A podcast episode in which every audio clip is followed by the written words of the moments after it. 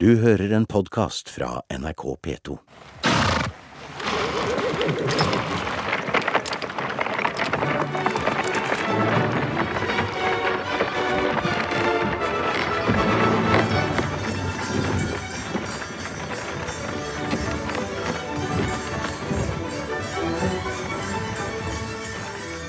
Et juleønske.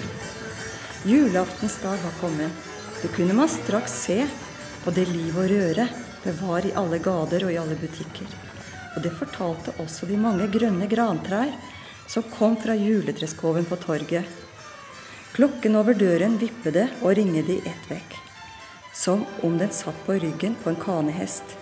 Og innenfor disken var madam Alfredsen og jomfru Strøberg uavbrutt i gang. Dørklokken, ja. Ringede som satt den på ryggen av en kanehest, Marit Hosar. En, bare det en kanehest er det vel kanskje mange som ikke vet noe om i dag. Nei, men mange tenker jo på kanefart og hjul. Og da er det jo slede, hest og nettopp at man dekorerer salen med masse klokker som skal ringe, bjeller som skal ringe, for man skal høre at man kommer. For det du leser nå, det var fra 1892. Det er et av de aller første juleheftene vi har i våre samlinger. Og eh, det introduserer for så vidt det moderne juleheftet. Og julehefter, julekort og tegneserier. Det er det en flott samling av på Opplandsarkivets Lillehammer-avdeling. Marit Hosar og Kirsti Krekling har plukket fram mange eksempler på denne juletradisjonen, som kanskje også kan fortelle litt om samtidshistorie og de historiske forandringene julefeiringen har gjennomgått de siste tre-fire generasjonene. I likhet med Carl Nilsens maskerademusikk fra København anno 1800-tallet, som vi hører i bakgrunnen her, var det også fra Danmark de aller første juleheftene ble importert til Norge. Den første ekte norske utgivelsen fant sted i Drammen i 1817, sier museumskonsulent Kirsti Krekling. Det var nok de danske som var forbildet for oss. Og sammenligner vi dem, så ser vi at eh, bilder og innhold er nokså like. Men hvordan kunne de juleheftene ha sett ut som var helt å begynne med, sånn rundt i 1820-årene f.eks.? Ja, det var enkle saker. Hvis du tenker på det som vi er vant til i dag, med fargebilder og gulltrykk og vakkert i det hele tatt, så var det veldig lite illustrasjoner. Det var ren moral, på en måte. Det var nokså sterkt religiøst uttrykk i dem. Og gjerne litt moralske beretninger og fortellinger fra virkeligheten som på en måte skulle mane til litt humanitet i jula. Et slags folkeopplysningsprosjekt, kan man nesten si, da? Ja, og det ble sterkere og sterkere, det folkeopplysningsaspektet, etter hvert som tida gikk. Sammen med mer romantiske bilder, sjølsagt. Mm. Altså 1892, det er det eldste vi har her. Og hvis vi ser her, Hvem er det som har gitt ut dette vi hadde fra 1892 her? Er det et norsk eh, Nei, sier vi København. Det er København. Børnenes juleroser heter det. Ja, Og det er Ernst Bøyesen kunstforlag som har gitt ut. Mm. Og da i København. Og det har jo litt å si med at dette her er i utgangspunktet et dansk blad som heter 'Juleroser', som kommer første gang i 1881. Ja. Og det introduserte da den, nettopp den moderne tid for denne type julehefter, som ikke lenger bærer så preg av den religiøse fortellingen, men som har mye mer Kall det hele juletradisjonene, sånn som man etter hvert eh, ønska å formidle dem, med litt nasjonalromantikk, Eh, litt eh, eh, juletrær, julegaver, barn, pakker. julegleden og julematen. Hvem var det som kunne kjøpe et sånt uh, julehefte som du står og holder i her nå, i 1892? I dag så vet vi at de juleheftene selges i ja, helt opp i totalt sett uh, millionomsetning og millionopplag også. Uh, men det er ikke sånne tall vi tenker på i 1892, vil jeg tro. Vi vet jo ikke så veldig mye om hvem som kjøpte dem, men jeg tror vi kan anta ut ifra det vi veit, er at det var nok de som hadde litt bedre råd, for det kosta ganske mye. En annen ting er at jeg tror at det var de som kanskje var interessert i folkeopplysning. Å spre eh, budskapet, altså sånn, eller spre opplysninger. Og eh, delta i, i den diskusjonen for å få flere til å bli interessert. Men ja, Hvis vi skulle bla litt i dette første heftet her nå, da. Hva er det vi finner i dette bladet her nå? Nå er det i hvert fall Ernst Bojesen sitt mål. Det er å spre litteratur, skjønnlitteratur, på et nordisk plan. Han vil så gjerne det at nordiske forfattere og nordiske kunstnere skal komme ut i et hefte til jul. Det er en slags skandinavisme i dette, altså. Ja, og en nordisme. Ja. Og han klarer det ganske godt det første året. Og han lager det ganske rimelig i forhold til andre julehefter, da, fordi at han er idealist. Men hva var det børnene skulle lese da, i 1892? Børnene skal lese om andre snille barn. Eh, om mødre som ber om at kjære, vær nå snill, ikke sant. Spis nå ikke så mye før du, vi skal spise middag. Eh, vær flink på skolen. Eh, og innimellom så legger han til spesielt barnestoff. Noen sånne små forsøk på en liten tegneserie, ser dere her? Om trollet i barnevognen. Ei litt tjukk dame som er ute og triller barnevogn. Ja, det ser ut til å være en som er eh, ansatt som eh, hushjelp, det. Ja, helt sikkert barnepike kanskje òg. Så går hun og triller en vogn. Ja, og nedi den barnevogna, bak en liten kalesje, så sitter et lite barn med ei eske. Og når da barnepika kikker så vidt under kalesjen, så spretter det opp et troll fra eska. Troll i eske. Ja. Vi har et fantastisk bord her som vi står her i Opplandsarkivene med et slags koldtbord av julehefter. Det er dekt på for oss her utover hele bordet her nå.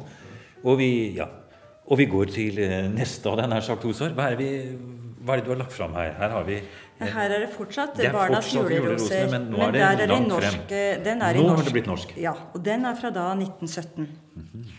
Men den, eh, den har eh, litt det samme oppbygginga, med farver og sangleiker, tegninger. Og du har artiklene. Hva er dette her? Klipp ut, står det. Her kan du lage film. Forvandlingsbilder. Du kan lage film. For her er det For nå er kinematografien kommet. Og man kan lage en film selv. Ja, Her er det da rett og slett eh, et stykke papir som du klipper opp i spalta, så drar du en sånn strips nærmest bak, og så får du bevegelse. Vi har ikke, vi har ikke gjort det, vi, da, for det er jo verdifullt. Men eh, det er framgangsmåten er forklart nederst på sida. Det er artig. I dag så kan jo barna lage så mye film de orker med det nye videokameraet sitt, men her kunne man altså klippe ut en side fra juleheftet, tre det gjennom en spalte og få bevegelige bilder. Kinematografien var kommet. Til og med juleheftet. Ja. Interessant. Her ser vi eh, det er forskjellige historier. Når mor blir sint. Ja, her har vi nå de første anslagene til nærmest en tegneserie. Ja, her er det en tegneserie. For det er, det er faktisk seks eh, eh, tegninger med en liten tekst under. Hvor det er ei lita jente som har to dokker. Så finner hun fram en eh, vaskestamp, og så putter hun dokkene inni, for de skal jo bades. Og henger dem opp til tørk. Og hva er det som skjer til slutt, da? Går de i stykker, eller blir de bare fine? Eller hva er moralen på en måte her? Hun bare vasker. Skal vi se. Heng nu der og prøv at lære, ja. Det er en slags straffeeksersis. Når mor blir sint, etter alt sammen her. Lig i solen der på stolen, kjekke piker aldri skriker. Også barn må alltid renslig være. Det er moralen i historien. Er At vi skal altså. vaske oss. Ja. Vi skal være renslige. Ja. Det er moral. Så denne lille piken hun er moren til disse dokkene sine, og nå lærer hun dem det hun har lært av sin mor, og det er å være renslig og passe på. Ja. Dette store renslighetsprosjektet også, som gikk da i Norge på, på rundt 1920 med hygiene osv., var jo mange sykdommer som eh, herjet rundt i den trangbodde arbeiderklassen. Absolutt. Og du finner det igjen. Hvert eneste julehefte i mellomkrigstida har et eller annet der du må huske, du må lære, du må vite.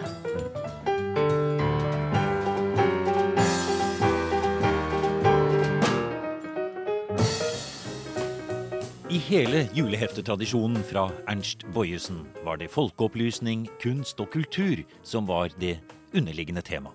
Det var julehefter for møblerte hjem. I hvert fall skulle man ha piano. For noter, sanger for julens høytid fulgte med. Men hva så med de som skulle oppdras, så å si?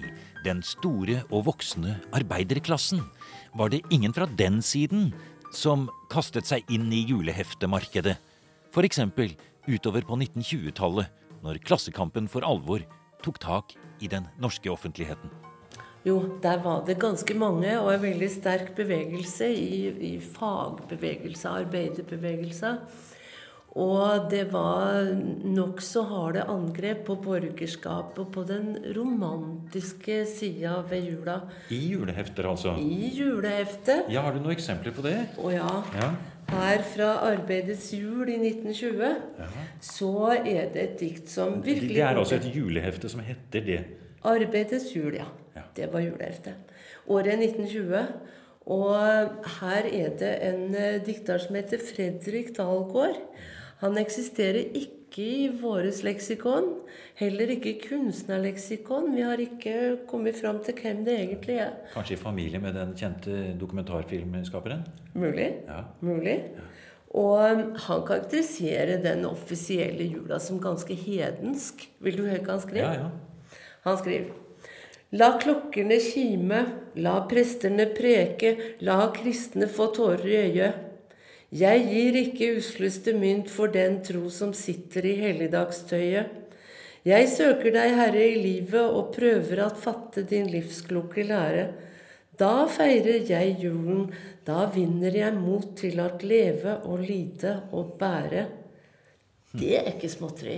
Det var ikke småtteri, nei. Når han går mot alt det som vi har kikka på nå. Et sosialistisk alternativ til eh, juleheftet. Ja, og vi snakker jo om alternativ jul kanskje i forhold til 1970-tallet, men det her var jo et gammelt fenomen, det. På 1970-tallet. Der litt radikale studenter og andre ikke sant, fant sin egen måte å feire jul på. Det er jo også litt interessant når du tenker på dette du leste her, 'Arbeidets jul' av 1920. Det er jo altså da akkurat i de mest intense årene i den norske arbeiderbevegelsen når det gjelder delingen, forholdet til eh, Sovjet, eh, den nye sovjetstaten og revolusjonen osv. Likevel så finner vi altså et slags eh, lett religiøst innhold faktisk i det sosialistiske diktet der. Absolutt, og det er sikkert tilsikta. Han går ikke bare ut politisk, men han har med det religiøse budskapet på sin måte og i sin form. Og det er nok helt sikkert aldeles bevisst. Blåmann, blåmann,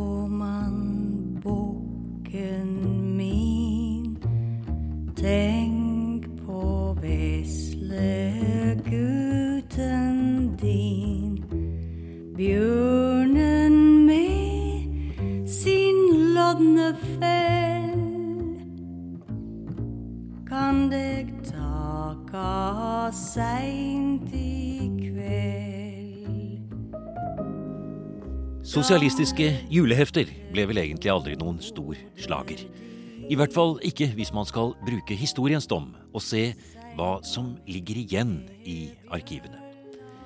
I Opplandsarkivenes avdeling på Maihaugen har man også Norsk tegneseriesamling. Og nå har Marit Hosar lagt fram et helt knippe av de aller første norske tegneserieheftene som kom ut til jul fra begynnelsen av 1920-tallet. Du hadde Stumperud, du har Smørbukk, du har Haukepatruljen, du har Nils Altså, og du, du har dem her borte. Ja Marit. Vi vi går kan rundt gå og se bordet her. dem. Ja. Her har du tatt fram en hel masse flotte, gamle tegneseriehefter fra, fra jul. da. Du nevnte mange av dem, og felles for dem er at eh, handlingen er faktisk fra landsbygda. Det er landsbygda. Og det er både gjerne barn, men det er også sånn som Stumperud, som er et av de mest populære faktisk den dag i dag. Det er jo den eh, norske heftet som eh, selger i 100 000-klassa. Og det er jo litt spesielt, for det er sånn, de har jo faktisk Første gang det kom ut, var i 18, nei, 1938, og den har jo gått uavbrutt fram til i dag. Og det er jo da nummer én i Stumperud, som alle vet. Det er jo i, fra et, en militærleir. Ja. Men det har ikke noe med krigen å gjøre. Nei, for sånn, de, de kriger ikke så veldig mye der. Vi, eller vi ser jo litt øvelser en gang iblant, men stort sett så går det på spilloppene mellom 87 og 91. Og det er 91 som er vi er ikke nytt igjen i den sammenhengen der. Men det er også hvordan han er nødt til å komme seg hjem til jul, og hvilke fremgangsmåter han kommer seg hjem igjen på. Vi har et hefte her, bl.a. fra 1947. Ja, og da har jo, Det er to år etter krigen, altså. Dette handler om soldater, men ikke ett ord om krigen. Nei, for det er Altså, eh, 91 Stumperud er stort sett veldig upolitisk. Han eh, Det bærer preg på at de tar ikke noe stilling til noen som helst eh, politiske saker, og trekker ikke så mye inn i de her storpolitiske affærene. Og det gjør det heller verken i dag Saken er jo at det faktisk det tegnes jo ennå, ikke sant? Ja, det tegnes fortsatt. I hvert fall som julehefte. Og, eh, Er det også de samme som står bak det? Ja, sånn, eh, han som tegner det nå, har tegna det i veldig mange år. Men det er ikke han det var jo, Han har jo tatt over. For det, altså, Ja. det som kjennetegner mange av de her gamle seriene som begynte å bli kommet ut i 1930-årene, de har fått nye tegnere. F.eks. Smørbukk hadde jo Jens Herre Nilsen og Øyvind Dybwad som skrev tekster, og er Jens Herre Nilsen som tegna. Mens det da har vært eh, Solveig Muren Sanden har vært eh, tegner en periode, og i dag så er det Håkon Åsnes. Mens forfatterne har skifta enda hyppigere, sånn som har skrevet tekstene. Men det er jo også da ikke bare julehefter. De går jo fortsatt en dag i dag i Norsk Barneblad. Men det jeg også har lyst til å si litt om, det er formen på juleheftene som kom på 30-tallet, 40-tallet, 50-tallet og framover til nyere tid. Der var at den var i, i lengdeformat. Den hadde tekst. Altså sånn under hver enkelt eh, rute som var tegna. Det er ikke sånn talebobler. Nei, for det finner du først i den nyere tids eh, tegneserier. Ja. F.eks. sånn som her har vi Rex Rudi. Rex Rui. Det er en norsk serie. Nyere norsk serie. Men nå har de kommet i høydeformat. De har ikke så systematisk eh, billedoppdeling. De har små og store ruter om hverandre. Men de har bobler. De har snakkebobler. Og denne her måten å tegne serier på er nok mer sånn du kan si Disney. Men det som kjennetegner en del av de som jeg har lagt fram her, Det er at de holder ut. de holder ut. Om ikke, De fortsettes ikke å tegnes nytt, men de trykkes opp igjen og trykkes opp igjen.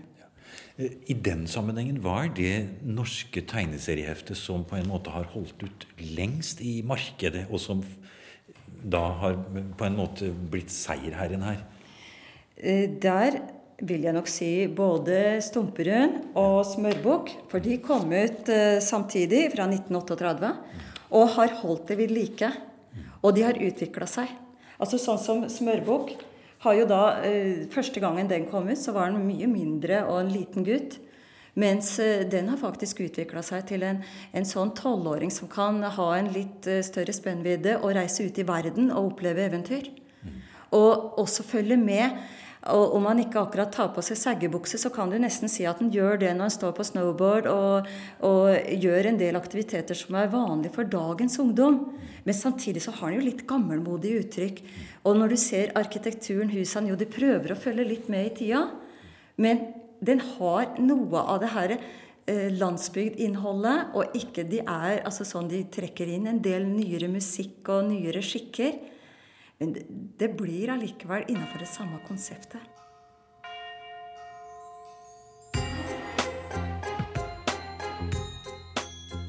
Landsbygda tapte kampen om juleheftene på 1970-tallet. Nå er det opptrykk og nostalgi som gjør at de fortsatt selges. For i den nye gullalderen for norske tegneserier er det byens kultur som gjelder. Det lukter granbar for seint, du er for blakk til å handle Har ikke vaska gulvet eller bært noe ved Men far har vært på senteret og stjålet et juletre Uten TV-lisens, ingen Disney på TV Så setter seg ned med en whisky Det er den urbane kulturen. Og det er eh, mye kan du si, Vi kan godt kalle det en del rølpeting. Men det kan også være eh, litt sånn forskjellige ting som altså sånn, eh, Pondus er jo den store vinneren. Og det er jo utgangspunktet der er jo en fotballgal eh, bussjåfør. Og det er det livet han da eh, Livet hans. Med litt forskjellige figurer. Og du kan jo si at, at en del av dem er jo ganske spesielle utseende. Men dette heftet her, de, har- den har fått en kjempeoppslutning. Og er jo en av de mest eh, solgte uke... Eller sånn tegneserier. Eller i nær sagt eh, enda verre. Hvis mulig så har vi denne halvnevrotiske skrulledama Nemi, ikke sant? Ja, faktisk så tror jeg at, at Nemi den henvender seg til jentepublikummet, mens Pondus er for gutta. For her er det ikke de vellykkede julene. Og du kan si at sånn f.eks. kollektivet her har da en julefortelling hvor barnet i huset river ned hele juletreet, for den har lært seg å krabbe, og mora er kjempestolt. Og øh, faren står og er litt sånn indignert, for de har kanskje nettopp pynta treet. Men samtidig så får jo han da i oppgave å gå og være julenisse. For det har mora bestemt. Eller sånn eh, kona i huset. For hun skal ha sin jul, som skal da overføres til neste generasjon. Hva, hva er en julaften for Nemi? Nemi masse pakker. Ja, bare- ba- ja. Ja, og adventskalendere som spises opp. For det er sjokoladekalendere som spises opp første dag, og så kjøper man bare, Bare ny hver dag. Ja. Ikke sant? men først og fremst det at, at eh, man tenker på seg sjøl. Men samtidig skal man skal ha mye gaver. Og, eh, og samtidig sånn, Samtidig som hun fremstilles sånn både litt voksen og sjølstendig, litt sånn sex- og singelliv, kan du si. Samtidig som at på den andre siden så er hun den lille jenta som kan sitte omtrent i sandkassa og leke seg og bygge slott sammen med de andre. Og samtidig, hvem er det som har størst godtepose? Vi har nevnt eh, hos oss sånne julehefter som vi kjenner til i dag. Og vi kjenner mange av de juleheftene som har kommet ut veldig lenge. Ikke bare Nils og Blåmann og Stumperud og Vangskutane eh, og Lucky Luke og, og, og, og Knoll og Tott og sånn. Men det, det finnes også en hel del som vi ikke ser lenger fordi de har forsvunnet. Ja, det er en del som har bare kommet ut noen få år, og som er blitt borte. Der har vi jo f.eks. Vi nevnte jo tidligere Skomaker Beck og Tvillingene. Men vi har en annen serie som heter Dimpen og Dumpen. Og så har du ingeniør Knut Berg. Du har jo eh, Bamsemann. Og så er det en annen serie om en soldat som heter Soldat 47. Den kom ut bare så vidt noen få år. I hvert fall et julehefte. Den begynte i 54. Og vi har en som heter Peik. Og det er en del sånne hefter som ikke så mange kjenner til, og som ikke kommer i store opplaget. Og det gjør det at eh, det er klart at sånne ting også er viktig å ta vare på. Fordi at de representerer noe annet enn kanskje det som eh, vi har sett på her. Men hvordan var det tidligere når det gjaldt eh, juleheftene? Var det i butikken de ble solgt? Ja, Fram til ca. 1970 så har det vært sånn at det var frivillige lag og foreninger, på landsbygda i hvert fall. Ungdomslag, bondekvinnelag, sanitetsforeninger. De fikk tilsendt, eller bestilt kanskje, en eh, bunke med hefter, en bunke med julekort. Og så senda de gjerne ungene sine ut, medlemmene der, for å selv. Og så fikk laget en liten sum for hvert kort eller for hvert hefte. Så det ble det ekstrainntekt for laget, som sikkert ikke hadde så mange inntjeningsmuligheter. Kan det være med å forklare litt den veldig store utbredelsen av eh, julehefter? At man kjøpte av en fetter eller nabo eller hva det nå var? Ja, i ei lita bygd så er det jo begrensa hvor mye nei du kan si. Altså, det var jo velvillighet i ei bygd, og, og det var samarbeid. Og hvis det kom en liten gutt på døra og solgte f.eks. fire julehefter, så var det nok sjelden du kjøpte mindre enn tre, da. Fordi at du kjente jo vedkommende, og, og kanskje en del av familien var medlem i akkurat det laget som fikk litt ekstra penger. Og dem som da ikke hadde råd til å kjøpe, dem fikk gjerne lånt. Så vi bytta jo blad på 50-tallet. Eh, Hvis det var noe vi gjerne ikke fikk og hadde veldig lyst på, så bytta vi bare sånn som skikken var, og bytta aviser og bytt ukeblad ellers. Dette med at eh, disse forskjellige heftene som eh, kanskje noen har tatt vare på, og som ligger der opp gjennom tiden, de, for deg så er det mer enn bare noen gamle julehefter. Det er faktisk et uttrykk for at eh, vi kan se det som et forskningsobjekt i mange sammenhenger. For man kan forstå noe om samtiden ved å se på de, de gamle årgangene av julehefter. Ja, jeg oppfatter alle det her som en del av vår kulturarv, og som vi ønsker da å ta vare på fordi at de representerer en kulturhistorie. Som vi da kan legge til grunn for forskning på ulike typer temaer. Hvordan man så på f.eks. folk i et annet land, forskjellige kulturer. Vi kan se på det materialistiske samfunnet kontra denne gavehysteriet som vi kanskje har i dag. Og hvordan representeres det i tegneserien og juleheftene? Med, vi kan også ha med nissen, hvor det står 'nissene'. Det kan vi også lese en del om. Men uh, i andre hefter så er jo kanskje nettopp nissen helt fraværende. Men sier det litt om dagens jul og juletradisjon og feiring? Eh, og hvordan vil f.eks. etterkommerne altså sånn i 2030 hvordan vil de analysere dagens hefte opp mot den som kom i 30-åra? Og Det gjør at jeg syns det er viktig at folk som sitter på en del sånne gamle julehefter, om det er de her religiøse fra 18 før 1850, kontra om de sitter på da tegneserier fra 1950-1970-åra, så håper jeg at de tar vare på det. De kan gjerne ta kontakt med et arkiv eller museum for at det skal bevares, men de bør i hvert fall ta vare på det sjøl, fordi at det representerer en del viktig kulturhistorie. Så kanskje istedenfor å gå ut og kjøpe nye julehefter hvert år, så kan man gå på loftet og se om man har noe et eller annet sted, og legge fram eh, dem og se på dem, for det blir artig. Ja, det kan man gjøre. Og så kan man komme hit også og se på dem hvis man har lyst ja. til det.